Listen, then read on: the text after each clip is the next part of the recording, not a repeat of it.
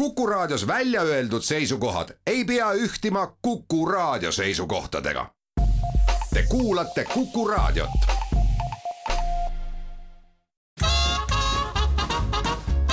jäljed gloobusel tervist, üheksateistkümnes jaanuar on tänasel päeval ja tervitavad teid Kuku raadio stuudiost taas kord Väino Laisaar ja Andres Karu. suur tere ka minu poolt. Ja tuletame siis meelde, et kellel, kellel on kõik käibemaksukohuslased, siis homme on käibemaksudeklaratsiooni esitamise tähtaeg, siis katsuge eelmise aasta viimane kuu, detsember siis kokku tõmmata otsad. aga meie ei lase ennast selle eest segada, meil on need asjad juba ära toimetatud. nagu ikka, tahame teile rääkida järjekordsest riigist ja me oleme hüpanud nüüd Mehhikost, mis siis asub täitsa nagu Põhja-Ameerikas, oleme hüpanud tänaseks päevaks toredasse riiki hoopis Aafrika põhja, põhjaosas või noh kuidas nüüd võtta, kas Põhja-Aafrika või siis kui päris täpne olla, siis loode Aafrika nurk ehk siis täna räägime teile Maroko kuningriigist. absoluutselt ja põikame põgusalt läbi ka Lääne-Sahara nimelisest maaribast, mis siis on nii-öelda praegusel hetkel kuulub küll Maroko osasse, nii-öelda Maroko osaks, aga on selgelt vaidlusalune piirkond mm. -hmm. ja, ja Marokos äh, meil Väntsiga meid seob nagu see või nojah, see on ka vaieldav, et äh, me nagu mõlemad oleks seal käinud ühe korra. mina olen ikka täitsa selgelt seal ühe korra käinud, aga Väntsil on see jama, et ta ükskord sõitis ülevalt allapidi läbi ja teistpidi sõitis siis alt ülespidi läbi. kuu aega hiljem jah. jah, et tegelikult oli tegemist ühe sama reisiga, mille jooksul siis kaks korda sattusid. aga noh, samas kui võrdlust tuua, et äh, eks mina võin ka öelda, et kas ma nüüd olen Mont Blanc'i otsas käinud kaks või kolm korda, et kui võtta selle järgi, et esimene kord läksin üles ja tulin kohe alla, aga teinekord ma läksin sinna üles tippu, laskusin teisele poole Itaalia suunas Itaalia kõrgemasse punkti ja tulin uuesti üle tipu tagasi, et siis ma nagu oleks kolm korda käinud. nii et loeme siis ikkagi, et sa oled peaaegu nagu kaks korda käinud selle loogika järgi. no jääme selle juurde siis jah. Maroko iseenesest äh, Aafrika mõttes on ta ju selline noh, võib ju nimetada Aafrika algajatele ikka, et ta on suhteliselt turvaline ta on äh, kindlasti see, et noh, kõik teavad, et ta on või noh, võib-olla kõik ei tea, aga siis tuletame meelde, et ta on ikkagi Aafrika nii-öelda Araabia osa ehk siis sa pigem näed seal ikkagi heledanahalisi inimesi äh, ringi äh, tatsumas ja oma toimetusi tegemas. islamiusk, valdav usk ja turistidele üsna nagu avatud selles mõttes, et eh, ega väga ei keelata ka midagi teha, millega sa oled kodus harjunud tegelema. ja absoluutselt, noh, esimene asi, vaata, kui hakkad Aafrikast rääkima, siis kõigi mõtted võib-olla esimese hooga lähevad sinna Musta Aafrika kanti, on ju, kus enamus inimestel need reisipildid pärinevad erinevate suguharude juurest, aga tegelikult kõik need Põhja-Aafrika riigid on ju ikkagi sellised nii-öelda Äh, Araabia päritolu või, või noh, see rahvas, kes seal elab, on siis äh, Araabia äh, verega läbi imbunud ja, ja, ja seetõttu on see vaade ka Marokos hoopis teistsugune kui juba lõuna poole minnes. jah väga ilusti välja toodud, sest jah, kui mõelda sedasama Põhja-Aafrikat pidi, siis ju kui, kui, kui liikuda ida poole, siis ju tulevad seal Maroko naabrid on ju, ongi Alžeeria, Tuneesia, noh, Liibüa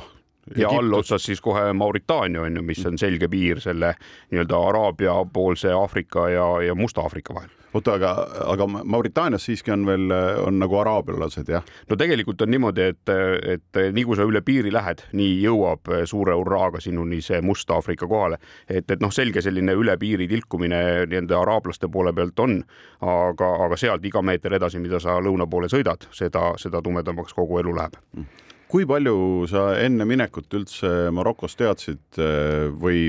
või olid sa sedasama, mis sa nüüd saadete jaoks iga kord teed, et kas sa olid neid numbreid enda jaoks nagu kuidagi lahti ka mõtestanud, et kui suur riik on ta ja palju seal rahvast on või võtsid teda lihtsalt sellise transiidimaana? no ta ühest küljest oli transiidimaa, aga teisest küljest mitte, et, et kuna meist keegi seal varem käinud ei olnud, välja arvatud osad reisikaaslased, kes me siis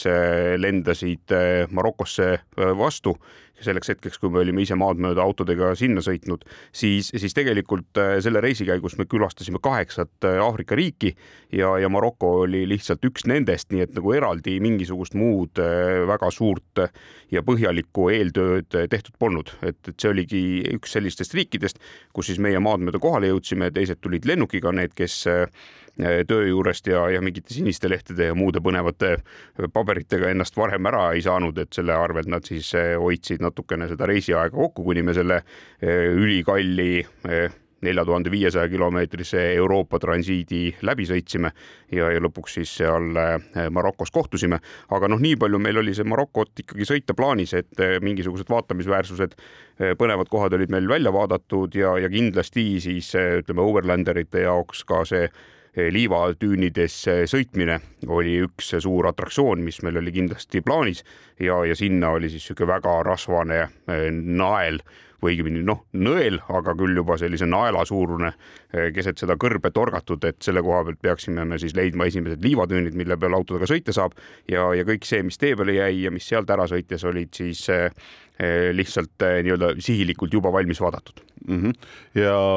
noh, tuletame jälle meelde, et kui teile tundub, et noh, et Sahara kõrb on ju, laiutab on ju Marokos täie täie jõuga onju, et, et mis mõttes te pidite nagu mingeid tüüne hullult otsima, siis tuletame meelde jälle vana hea tõde.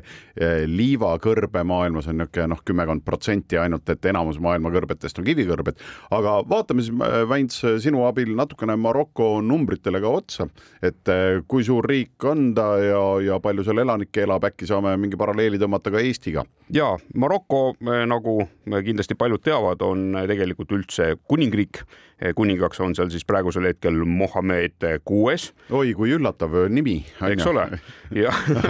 seal umbes teise, igal teisel on, on seesugune lugu, onju. ja, ja nagu siin alguses juba öeldud sai, siis eh, täna Maroko osaks eh, on siis ka see vaidlusalune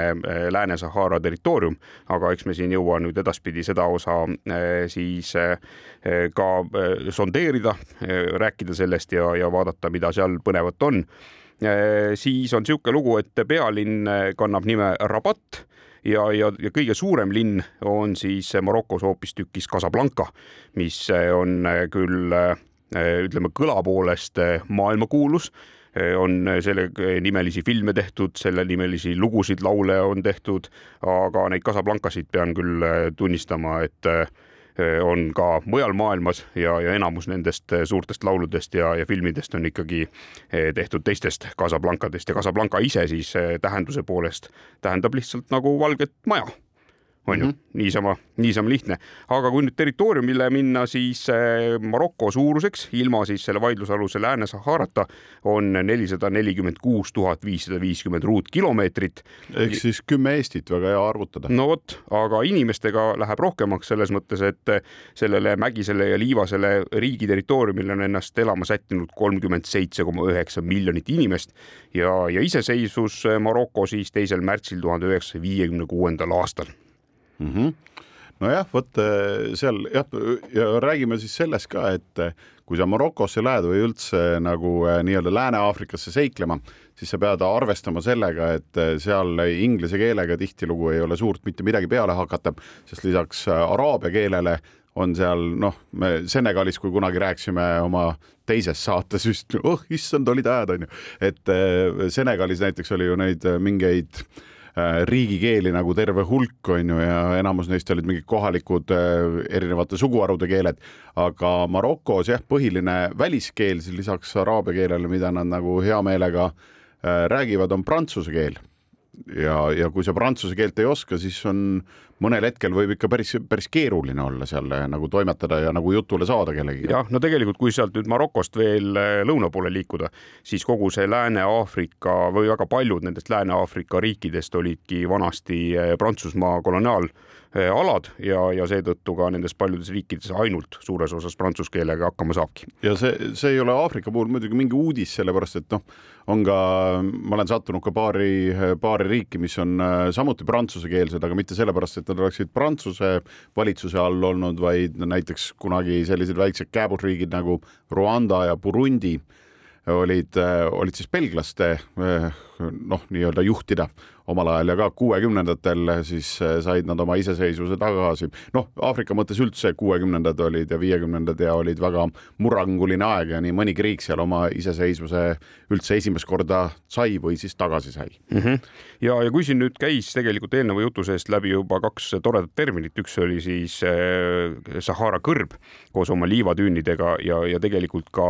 mäed, mis siis kannavad erinevate liidetega kõik nii-öelda Atlase perekonnanime on ju, siis, siis tegelikult see eh, Maroko ongi nende Atlase mägede poolest justkui pooleks lõigatud. et eh, idast lääne suunda ta liigub ja, ja see siis eraldab omakorda see kõrge mäestik seal vahel siis Sahara kõrbe Vahemerest ja Atlandi ookeanist ja, ja seal selles mäestikus on siis ka Maroko kõige kõrgem tipp mis eh, on minu hinnangul Marrakechi nimelisest linnast, kuhu kindlasti need inimesed, kes Marokosse on reisinud, on ka sattunud. tegemist on fantastiliselt kena linnaga ja sealt kuuekümne kolme kilomeetri kaugusel on siis kõrge Atlastes see kõige kõrgem tipp, kus siis tõenäoliselt oled ka sina eh, oma elu jooksul ära käinud. no olen, Jebel Topkal on tema nimi jah, lihtsalt vaata nüüd takkajärgi, vaata sa tõid kilomeetrid välja, et Marrakechist kuuskümmend kolm kilomeetrit on sinna tipuni, siis peaks olema minema, aga kui me taksojuhtidega kauplesime, siis nemad võtsid raha, võtsid ikkagi seitsmekümne viie kilomeetri eest. näen nüüd takkajärgi sain aru, et meid tõmmati, onju. nii, nii ta, nii ta, aga noh, ei, nad on ju vanad head kaupmehed, aga sellest me jõuame rääkida pärast äh, väikest pausi.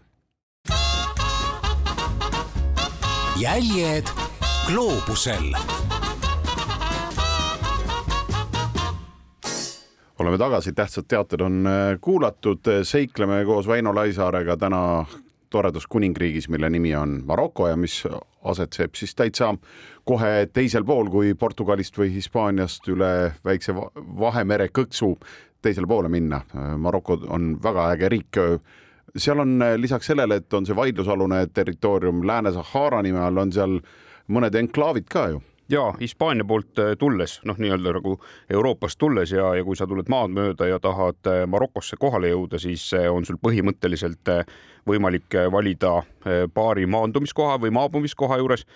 kui päris aus olla, siis võib-olla isegi ütleme kolme vahel ja, ja tavaliselt need kõige popimad praamid, mis sealt Hispaaniast siis Marokosse tulevad, tulevad Gibraltari külje alt Äh, seal on mm -hmm. siis mhm. selline äh, suur äh, sadam, kus siis ostad endale sobiva ülesõidupileti, mis toona maksis, kui ma ei eksi, oli sada kaheksakümmend seitse euri oli auto ja, ja kaks inimest Aha. ja ühe otsa pilet on ju. ja, ja siis on sul valida. ma arvasin, et palju kallim on. no vot, võib-olla nüüd tänapäeval on juba kallimaks läinud, aga kaks tuhat seitseteist, kui mina käisin, siis oli,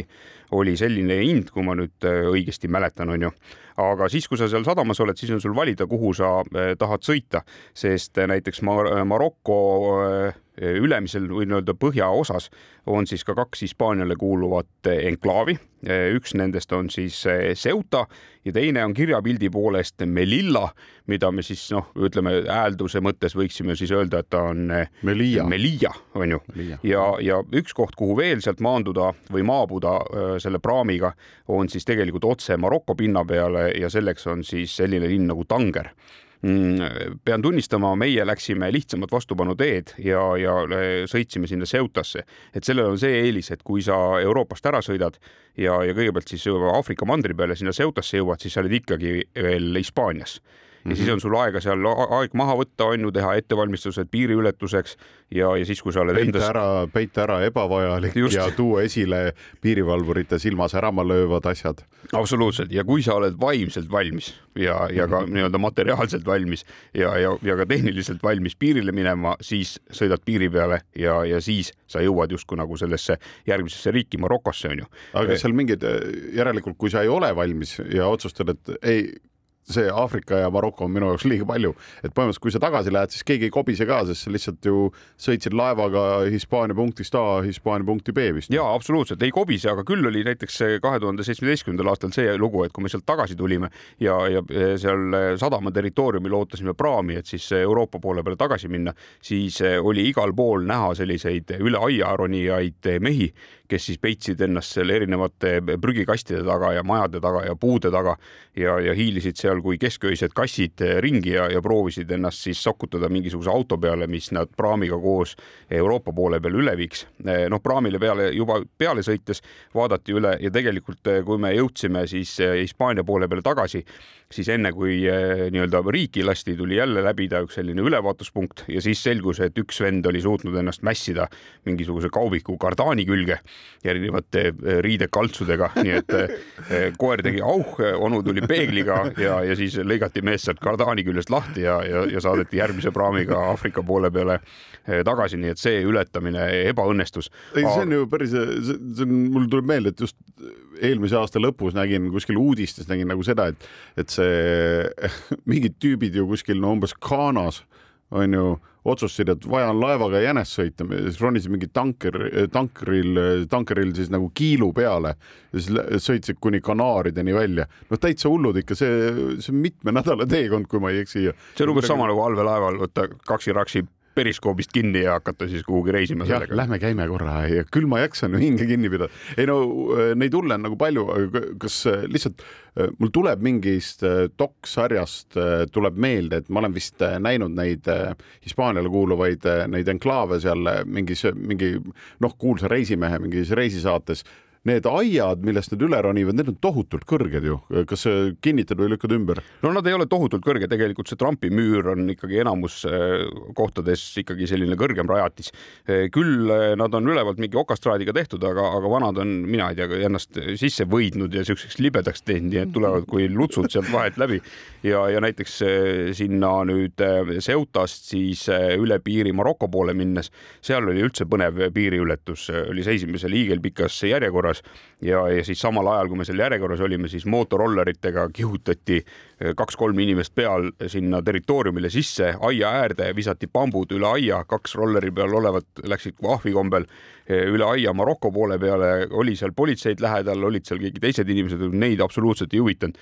nii kui inimesed olid maha hüpanud, roller pani otsa ringi, kihutas jälle sealt piiripunktist välja järgmistele järele, et, et sihuke mingisugune veider, veider eh, lahendus oli ja, ja see piirijärjekord oli muidugi meeletult pikk.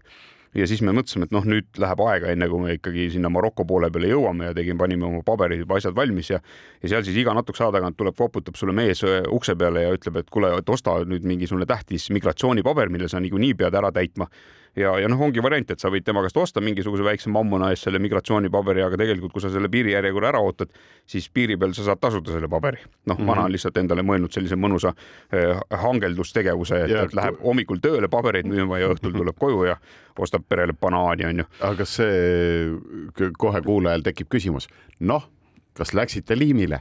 Me ei läinud liimile, sest meil juhtus selline lugu, et ühel hetkel tuli vähe tõsisema näoga mees, kui me olime juba lähemale jõudnud sinna piiripunktile ja ütles, et kuule, et te olete, te olete matkajad, et teile on täiesti eraldi koridor. et kas olete nõus tulema? ja, ja siis me ütlesime, et noh, et muidugi, et, et noh, küsisime, et mis see selline teenus maksab, et meil eraldi koridor on. vana ütles, et noh, küll pärast vaatame, onju.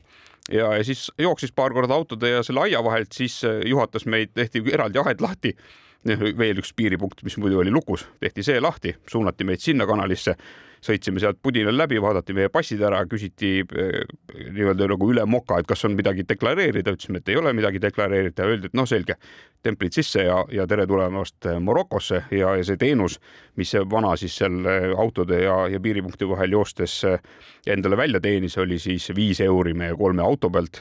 ja, ja vana oli sellega oh. väga rahul ja ütles, et kui hakkate jälle tulema, siis andke aga märku ja, ja teeme jälle, avame teile väravaid. jah, tehke mulle kümne eurone kõne ja saate viie euroga üle. no just, et, et selles mõttes see piiriületus läks nagu üllatavalt lihtsalt. Ja kui alguses see järjekord tunduski väga pikk, siis noh, kui sa oled selgelt äh, nii-öelda matkaja või, või turist või noh, ütleme turisti on mitut sorti on ju, ühed on, on selline tavaline turist, kellel on pamp selga seotud ja, ja seisab seal järjekorras, aga, aga kui sa oled juba täis kleebitud autodega ja, ja, ja noh, selge sihuke overlander on ju, või, või siis mingisugune võidusõitja mees on ju, siis pälvid tähelepanu ja, ja imeväel võivad siis avaneda hoopis mingisugused teistsugused väravad ja, ja mingisugused teistsugused asjad, mis ei pruugi muidugi, kui nüüd tagantjärgi öelda, olla nagu maailma kõige legaalsem viis piiri ületamiseks, aga kõik dokumendid on korda aetud, lihtsalt väikese teenustasu eest sa justkui nagu noh, ühesõnaga juhatatakse sind meeldivama kohtlemise juurde. kusjuures ma hakkasin mõtlema, et see vana ju tõenäoliselt pidi jagama seda nii-öelda vi, mis see oli siis viiskümmend mingi? ei, viis euri oli kolme auto eest. aga ma mõtlengi, et vi, aga euro ja mäletame õigesti, nende rahaühik oli. äkki, äkki oli üks kümnele. üks kümnele oligi just, et mingi viiskümmend kohalikku on ju, et selle, selle ta pidi ju tõenäoliselt ka selle piirivalvuriga veel enam-vähem pooleks tegema, nii et noh, tegelikult. aga noh, vaevalt, et see aupaiste ainult meie peale paistis, et tõenäoliselt sellel hetkel, kui värav selja tagant kinni pandi, vana juba Nilli Sergise kunde sealt on ju. Teie olete rekkamees on ju, teil on siin eraldi. Special price, my friend oo te,, teie olete ju Fordiga, teile meil on täitsa eraldi koht, kus Fordid üle käivad. Ja äh, ärimehed piiride peal äh, saavad, kus, kusjuures see ongi nagu väga hea, et see teemaks tuli, sellepärast et mulle äh, mul kohe tuli nagu nii palju piiride pealt lugusid meelde, aga ma neid kõiki ei hakka rääkima, aga, aga üks asi on kindel, et piiride peal äh, meil on kuidagi sisse jäänud mingist äh, võib-olla, võib-olla see on ka niisugust nõukaajas see, et me natukene pelgame piiri peal ligi astuvaid inimesi. kusjuures see on üldse hea teema ja ma arvan, et me võiksime tegelikult ühe terve saate äh, pühendada sellistele meeldejäävamatele piiriületustele, sest mul on noh, tonnide viisi põnevaid lugusid rääkida, alates sellest, kuidas ma reisi alguses, kui ma reisima hakkasin nii-öelda selle automatka formaadis, siis eh, need olid sellised asjad, mida ma kuidagi nagu silmad pikad peas ei tahtnud oodata, sest mulle tundus see nii jabur ja, ja aja kulutamine ja kogu aeg võib mingi probleem sul tekkida kuskilt. aga mida aasta edasi, seda rohkem ma õppisin hindama neid piiriületusi, et esiteks saad sealt juba sellise esimese kogemuse kätte selle riigiga, onju, nad on alati teistsugused. see piiriületus nagu eh, noh, muust reisiformaadist nii et eh, ma arvan, et siia piir, piirdume, piirdume ühe korra ühe sellise saatesarjaga tagasi. ja, ja absoluutselt. Eh, ja eh, lihtsalt see lühidalt siis kokkuvõte, et ärge kartke alati, et mõned nendest inimestest, kes teil ligi astuvad, võivad olla suurepärased ja teile kasu tuua, sest noh, on ka olnud juhuseid, kus piiri peal oli rahavahetuskurss kõige parem selles riigis, kuhu ma sisenesin, noh näiteks Kambja näide on mm -hmm. see, mhm. et hiljem oli kõik äh, palju kallim. oleme isegi ainult piiri peal esimesed hunnikud rahad ära vahetanud ja, ja ei saa küll öelda, et oleks nagu koledal kombel äh, petta saanud. enne veel, kui lähme pausile, proovin siia ära mahutada ka selle informatsiooni, et kui te nüüd ei taha seda jätta enda jaoks seda puhvertsooni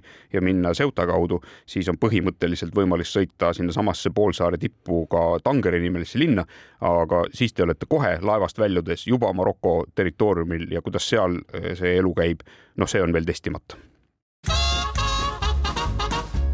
jäljed gloobusel.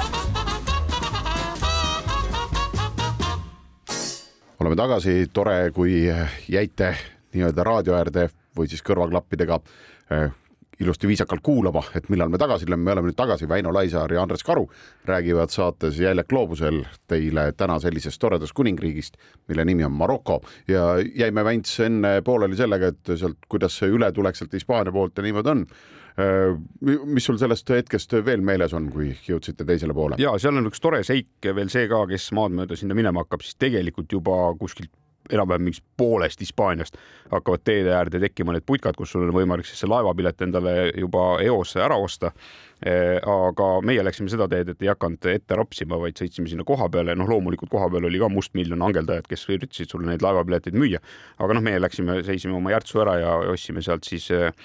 putkast need piletid ja, ja, ja siis oli tore lugu oli see, et kui me siis saime nii-öelda loa eh, selle praami peale sõita, siis praam tundus kuidagi väga tuttav ja, ja, ja, ja kohe, kui me olime praami kõhtu sisse sõitnud, siis tuli üks noorsend, ütles, et näe, eestlasi ka siin näha, et kuhu lähete. me ütlesime, et oleme siin Marokosse minemas ja veel teisi. oota, eesti keeles või? Eesti keeles ja, ja, ja siis tuli välja, et tegelikult paljud nendest praamidest, mis on meil siin Soome ja Helsingi vahet sõitnud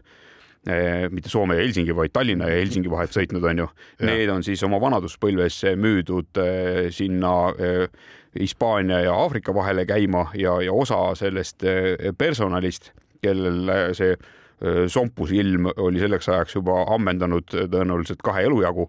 ja, ja suurte külmade lainete peal loksumine, need läksid laevaga kaasa. nii et eh, need eh, praamid, mis siis sõidavad selle Hispaania ja, ja Aafrika mandri vahel, on sellised kohad, kus siis on võimalik võib-olla pikema Aafrika reisi käigus ka viimased eestikeelsed laused vahetada Need on siis need umbes mingi, kunagi olid mingid, ma ei tea, Baltic Queen ja ma ei tea, Regina Baltica ja mingid niisugused või? no nimed ma olen ära unustanud, aga noh, sellised praamid. ikka suured, suured jurakad ikka. ja, ja ikkagi noh, saad ringi liikuda, et ei ole sihuke regula, vaid ja, ikkagi selline, selline suurem alus on ju. väga-väga äge. minul äh, juhtus siis minek äh, nagu äh, Marokosse, olen seal ühe korra ainult käinud, aasta siis oli kaks tuhat üksteist ja see see juhtus ikkagi lennuki kaasabil ja ma mäletan, et see kuidagi, äh, see mineku hetk oli üsna niisugune ärev. seal oli, ähm, seal oli enne juhtunud niisuguseid huvitavaid asju, et et meil üldse reisiseltskond oli kaheksa inimest, me olime mingi juba aasta varem enam-vähem või pool aastat varem olime nelja mehega otsustanud, et meie nüüd lähme on ju, Jaak oli öelnud, mina tulen, Ragnar, Fred ja mina on ju siis neljaks olime otsustanud, et lähme ja siis kuidagi nagu selle kahe tuhande üheteistkümnenda aasta alguses juhtus nii, et, et neli naisterahvast siis otsustasid, et aga kui te võtate, siis me ütleme ka. ja siis lisandusid meile Airi, Heve, Sanna-Maria ja Terje neljakesi ja, ja siis rõõmsalt kaheksakesi olime kõik mineku valmis ja siis äkki tulid kaks niisugust huvitavat uudist tulid, üks oli nagu äh, Äh, natuke ärevust tekitav, teine oli natuke rahustav. esiteks oli see, et äh, meie lendasime, meie transpordiskeem oli siis see, et me lendasime kõigepealt äh, siis läbi, läbi Belgia, kui ma õigesti mäletan, läbi Brüsseli ja siis maandusime toredas linnas nimega Marrakech, millest korra enne põgusalt juba rääkida, räägitud sai ja Marrakechis siis kolm päeva enne meie minekut äh, me olime juba piilunud ka mingeid, äh, mingeid restorane, kus võiks nagu Marrakechis näiteks sööma minna, siis oli silma jäänud ka selline restoran, mille nimi oli Argana. ja siis kolm päeva enne, kui, kui me nagu siis maandusime Marrakechis, siis äh, keegi terroristi rajakas lasi selle restorani koos osade turistidega pauhti õhku, nii et teist korrust tal enam ei olnud, käisime seda vaatamas veel ja lindid olid ümber pärjad aia küljes ja nii edasi et see oli selline noh, sa küll tead, et noh, see on nagu noh, nii-öelda nagu nõel heinakuhjas, et sellisele, sellisel hetkel sellises kohas olla, see on äärmiselt väike tõenäosus, kuid noh, nii-öelda riske nullini viia ei saa kunagi, onju aga teine niisugune natukene teistpidi jälle rahustavam, mõnele võib-olla ka ärevaks tegevam oli see, et samal hommikul, kui me lendasime, nii et paberlehtedesse ei olnud see uudis veel jõudnud, aga siis meie juba saime hommikul teada, et vot, et sellel toredal maikuu päeval täna Pakistanis hommikul lõpuks ometi tabati Osama bin Laden, lasti ta täitsa nagu maha ja niimoodi. ja teadsime, et Osamat enam ei ole, et siis osad mõtlesid, et jee, nüüd on maailm turvalisem, teised mõtlesid, et ups, nüüd ei ole maailm turvaline, sellepärast et nüüd tahavad kõik meile ju kätte maksta selle eest, et keegi teine valge inimene lasi, on ju, see nüüd mingi kristlane lasi, on ju nüüd Osamakese, vaesekese on ju, on ju maha, aga igatahes see oli jah, sama hommiku uudis, nii et siis me panime hopsti panime, panime lendama, meil oli seal Brüsseli lennujaamas päris pikalt oli aega nagu olla ja siis avastasime, et äh, lihtsalt kui keegi satub, et siis teate, et Brüsseli lennujaamas, kui ilusti otsida, siis äh, liiter Coca-Colat äh, maksab rohkem kui liiter rummi no ja siis, ja siis tegimegi lõpuks silmad tegime seal Marrakechis tegime lahti ja, ja äh, siis, kui üles aeti, et nüüd me hakkame maanduma, onju, ja rõõmsalt öeldi, et kas me võime selle jahtunud kana nüüd ära viia siit teie kõrvalt. me ütlesime ja miks mitte, loomulikult viige kana ära. Te ise küsisite kana, ütles veel stjuardess, ma ütlesin muidugi ma küsisin, ütlesin ma ahah, ja siis te ei söönud, ei söönud jah, ma magasin ja, ja see riiki sisenemine ei olnud üldse tegelikult äh, kuidagi keeruline või ma ei mäleta sealt, et seal oleks mingeid, mingeid nagu jamasid olnud, aga mulle kuidagi nagu see Maroko nagu äh, nagu olemus või niisugune õhkkond, mis seal kohe nagu vastu tuli, see kuidagi nagu hästi sobis. et ühtepidi noh, seal on mingeid tüütuid elemente, et nad on niisugused kauplejad ja igal pool kogu aeg pead nagu rääkima, aga üsna kiiresti sai selgeks, et äh, tõepoolest see üks kümnele euroga suhe oli see tähendas ju seda, et noh, kui sa saad teada, et sa vaidled mingite summade üle, et ta küsib mingit summat ja siis sa nagu kaupled temaga, siis pärast avastad, et aa, et, et see kauplemine viis nüüd selleni, et noh, et ma näiteks selle värskelt pressitud apelsini mahla eest nüüd on ju, tema küsis nelikümmend viis eurosenti selle suure klaasi eest aga ma kauplesin hinna nagu neljakümne kahe peale, et noh, umbes või kolmekümne kaheksa peale, et tegelikult nagu mõne sendi küsimus, siis said aru, et issand, et siin on kõik nii odav on ju, see on kõik nii, nii tore ja mõnus. nii et eh, ei pidanud nagu põhimõtteliselt nagu,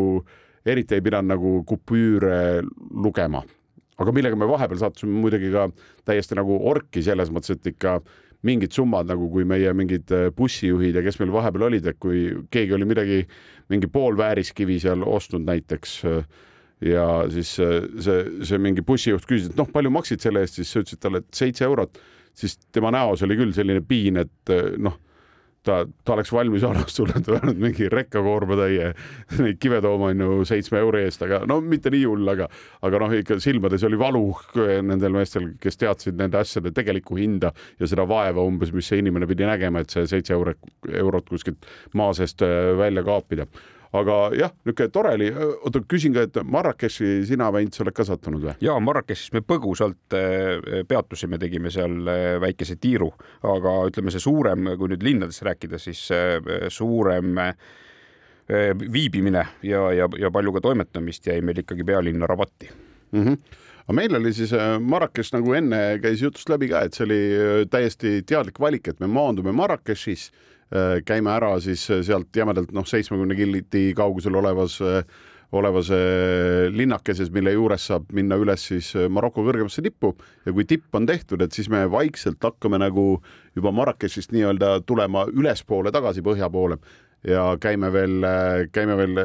sellises noh, et jõuamegi sinnasamasse Casablancasse ja tagasilend meil oli hoopis Casablancast, nii et meil jäi niisugune, et ei, ei lennanud ära samas kohas, kuhu me maandunud olime ja, ja sellest äh, tipu, tippu ronimisest me võime järgmises saate osas nagu pikemalt rääkida, aga see äh, nii-öelda see Marrakechi äh, see kauplemine ja see mul kohe tulevadki meelde needsamad, seal kõigepealt üks asi, mida peab teadma, vähemalt Marrakechis oli niimoodi, on see, et taksod, noh, nad ei maksa palju, sa saad nendega kaubelda, mõnusalt hinda loksutada, aga seal on kahte tüüpi taksosid et seal on mingid äh, petit taksod ehk siis nagu väiksed on ju, ja siis on äh, grande taksod. ja kui teil on vaja mingit pikemat otsa teha, siis äh, ärge üldse raisake oma aega nende petit ehk väikeste taksode peale, sest nendel ei ole lubatud üldse sellest linnast välja sõita, kus nad ametlikult taksona töötavad. et linnast välja võivad sõita ainult grande taksod ja need tunneb ära niisuguse niisugune beežikas kollase mingi värvi järgi ja tavaliselt nad on mingid mersud, mis eh, noh, niisugune kakskümmend viis aastat tagasi olid peaaegu uued. Ja siis eh, tossavad hullumoodi ja me, meie saime ka nõnda, et noh, kuna me kaheksakesi olime, siis ilmselgelt sinna seitsmekümne kildi kaugusele sõitmiseks eh, me vajasime kahte taksot ja lisaks me loomulikult pidime võtma ka sellised, kuhu kuhugi noh, peavad ka need suured seljakotid ära mahtuma. Ja kaks taksot, mis meile tulid, siis üks oli katuseraamiga ja teine ei olnud ja siis äh, see, kes, kellel oli katuseraam, see, kui haistas ohtu, et nüüd hakatakse tema katusele panema mingeid kotte juurde, siis kohe hästi-hästi kiirelt proovis põgeneda, aga noh, me saime tal kuidagi sabas kinni ja, ja mingi umbes kahe euro eest suutsime ta jälle noh, nii-öelda läbirääkimiste tulemustena äh, siis sundida natukene ootama ja paar kotti endale peale võtma. Ja lõppkokkuvõttes äh, ta, ta ei olnudki nagu kurb, aga iseenesest, et te üldse mingit aimu saaksite, et mis need mis need hinnad siis on, siis äh, see kahe takso sõit seitsmekümne kilomeetri kaugusele, kaheksa inimest olid takso peal, siis maksis äh, kahe takso peale kokku kuuskümmend eurot. Ehk siis kolmkümmend eurot takso. Ehk siis iga inimene maksis seitse pool eurot, et jõuda seitsmekümne kilomeetri kaugusele, lihtsalt selline väike siis äh, vihje, et millised hinnad on Marokos, aga me teeme siinkohal väikese pausi. jäljed gloobusel hää kuulaja, Jäljed gloobusel on äh, pausilt tagasi ja Karu ja Vänts on stuudios ja, ja sellel korral teeme jälgi siis sellisesse põnevasse kuningriiki nagu äh, Maroko ja, kui me see eelmine tsükkel lõppes sellega, et äh, Karu ja ta seltskond suutis seitsekümmend kilomeetrit taksodega läbida väga väikese raha eest, siis mis edasi sai, mägi ootas ees? no ootas ees, muidugi selleks, et taksodega sõitma saaks lõpuks hakata, meil oli mingi helesinine lootus, et sõidame kaks autot üksteise järel ja noh, näeme, kas kotid on katusel ikka olemas, on ju, teises taksos ja no ei midagi, on ju, noh, esiteks nagu üks takso hakkas sõitma te, teise vend näitas pöidlaga korra, et kõik on korras, pani laigi nagu, ronis autost välja, tõstis kapoti üles, siis kutsus veel mingi, mingi toreda mehe endale appi, kes sai tänutäheks pärast paljale pealaele sai suudluse temalt. Ja siis mingi kruvikeerajaga suutis selle mersu siis kuidagi käivitada. õrna aimu ei ole, kuidas ta seda tegi, midagi ta seal ühendas, onju, mingi särtsu kätte sai ja, ja siis, kui hakkasime minema, siis, siis ta umbes kaks kilomeetrit suutis sõita ja siis ta ütles nagu äh, mämm-mämm ja siis läks kuhugi jälle tegi peatuse, nii et kokkuvõttes, aga no see oligi, et noh, oligi, et üks takso ja teine takso, mõlemad arvasid, et teine on juba ammu kohal, lõpuks oli see, et kohale jõudsid, siis said aru, et et noh, need, kes arvasid, et me jääme palju rohkem maha, tegelikult jõudsid äh, palju varem kohale. Äh, niisuguse peatuse oli seitsekümmend kilomeetrit, see ei ole ikka naljaasi seal äh, noh, Atlase mäe pool, mäestiku poole nagu kerib nagu ülespoole ka. aga iseenesest oli nagu tore, esiteks me nagu pääsesime varsti on ju äh, nii-öelda tapva kuumuse käest, sest see kahe tuhande kuuesaja meetri kõrgusele me olime Imlili nimelisse küllakesse olime siis teel ja seal Imlilis noh, seal see oligi tore, et me teadsime, kõik rand, randmekompuutrid näitasid ka, et kaks tuhat kuussada meetrit on kõrgust ja kõrgem tipp, nagu enne öeldud sai, oli ju neli tuhat ükssada kuuskümmend seitse on ju tuppkaal mm. -hmm. aga siis Imlelis, kui te ringi kõnnite, siis mõne kohviku või poekese seinad sa võid näha, et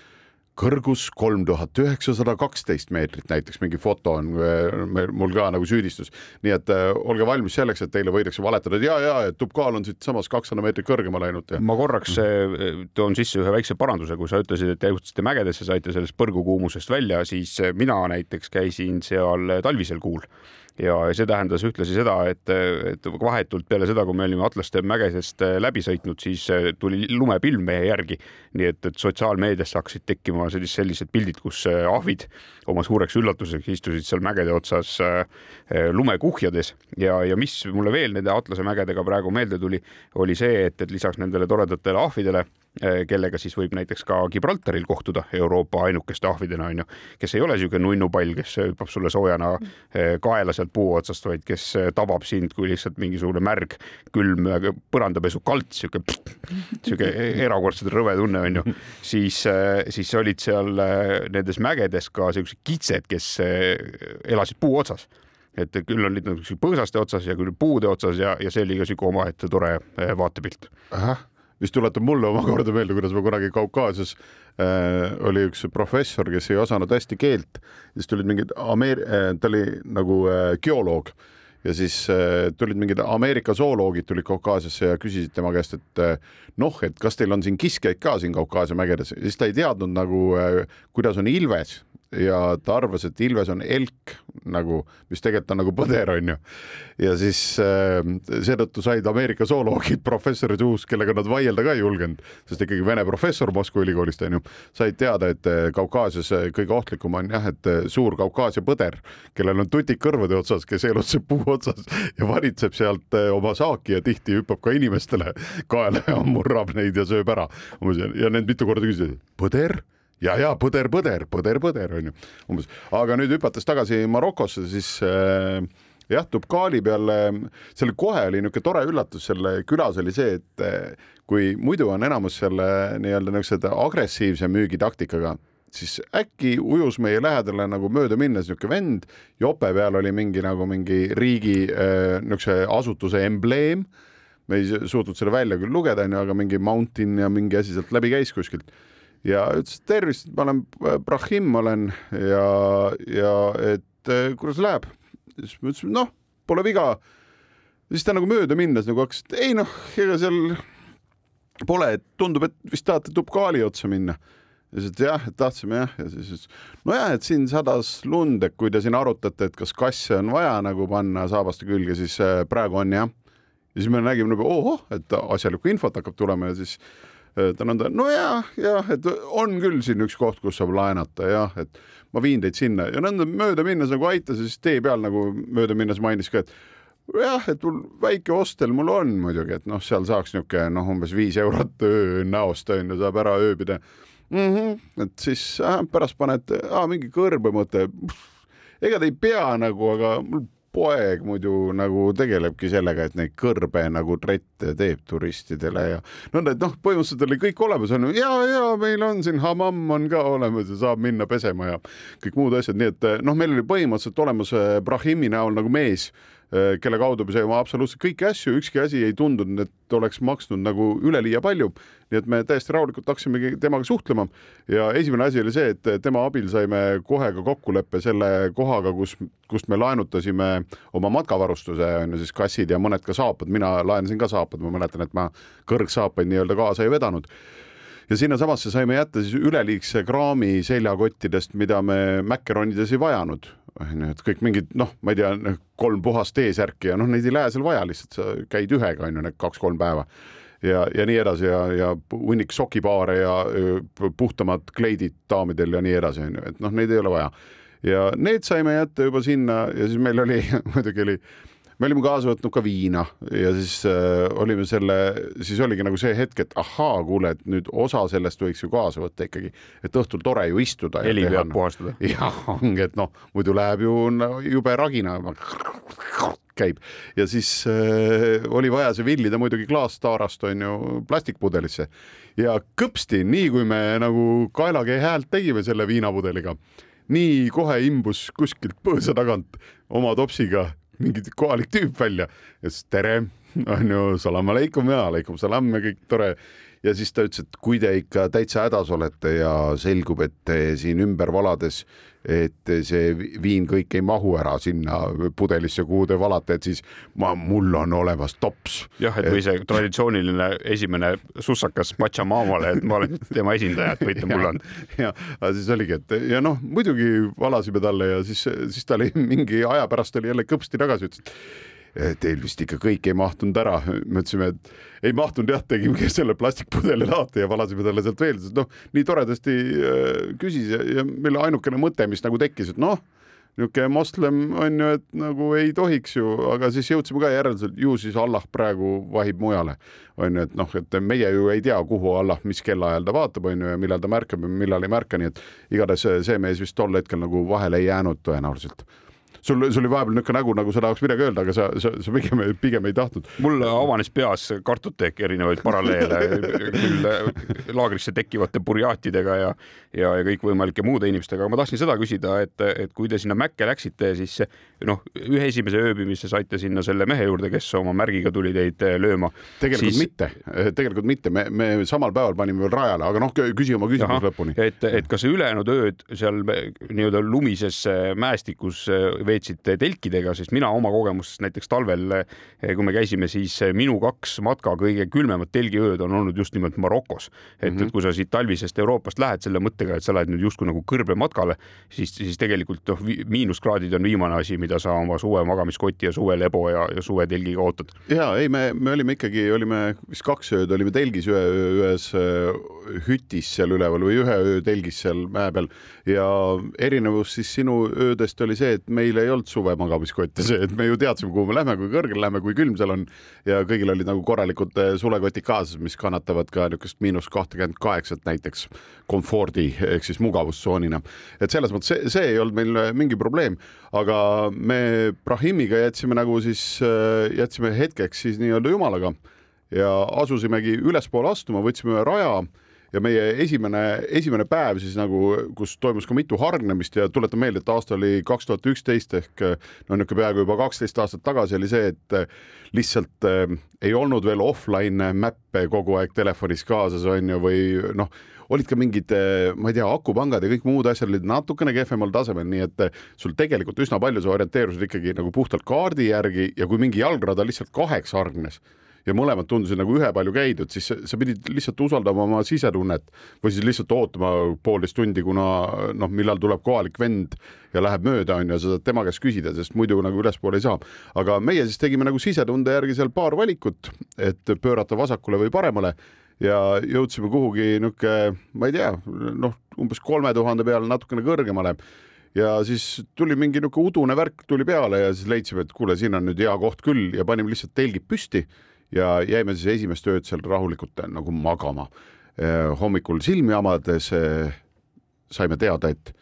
me tulime ikkagi valesti, siis tuli tunnikene allapoole tagasi minna, aga nagu kell meile ütleb, siis ega, ega me täna pikemalt seda minu teekonda tippu seal rääkida ei saa, sest aeg lihtsalt saab otsa. see on üsna tavaline ja me olime selleks valmis, et me räägime Marokost mitu saadet ja tõepoolest me järgmisel nädalal jätkame, siis kuulete meie Maroko lugusid edasi Väino Laisaar ja Andres Karu olid teiega selle tunnikese Kuku raadio eetrist. aitäh kõigile kuulamast. me paneme tõenäoliselt jälle ka pilte varsti üles, nii et vaadake meie Facebooki lehte, mille nimi on loomulikult Jäljak gloobusel. ja kui te muidu ei saa kuulata, siis podcast aitab ja kuulake meid sealt, kus te meid kuulata saate ja püsige avarad. jäljed gloobusel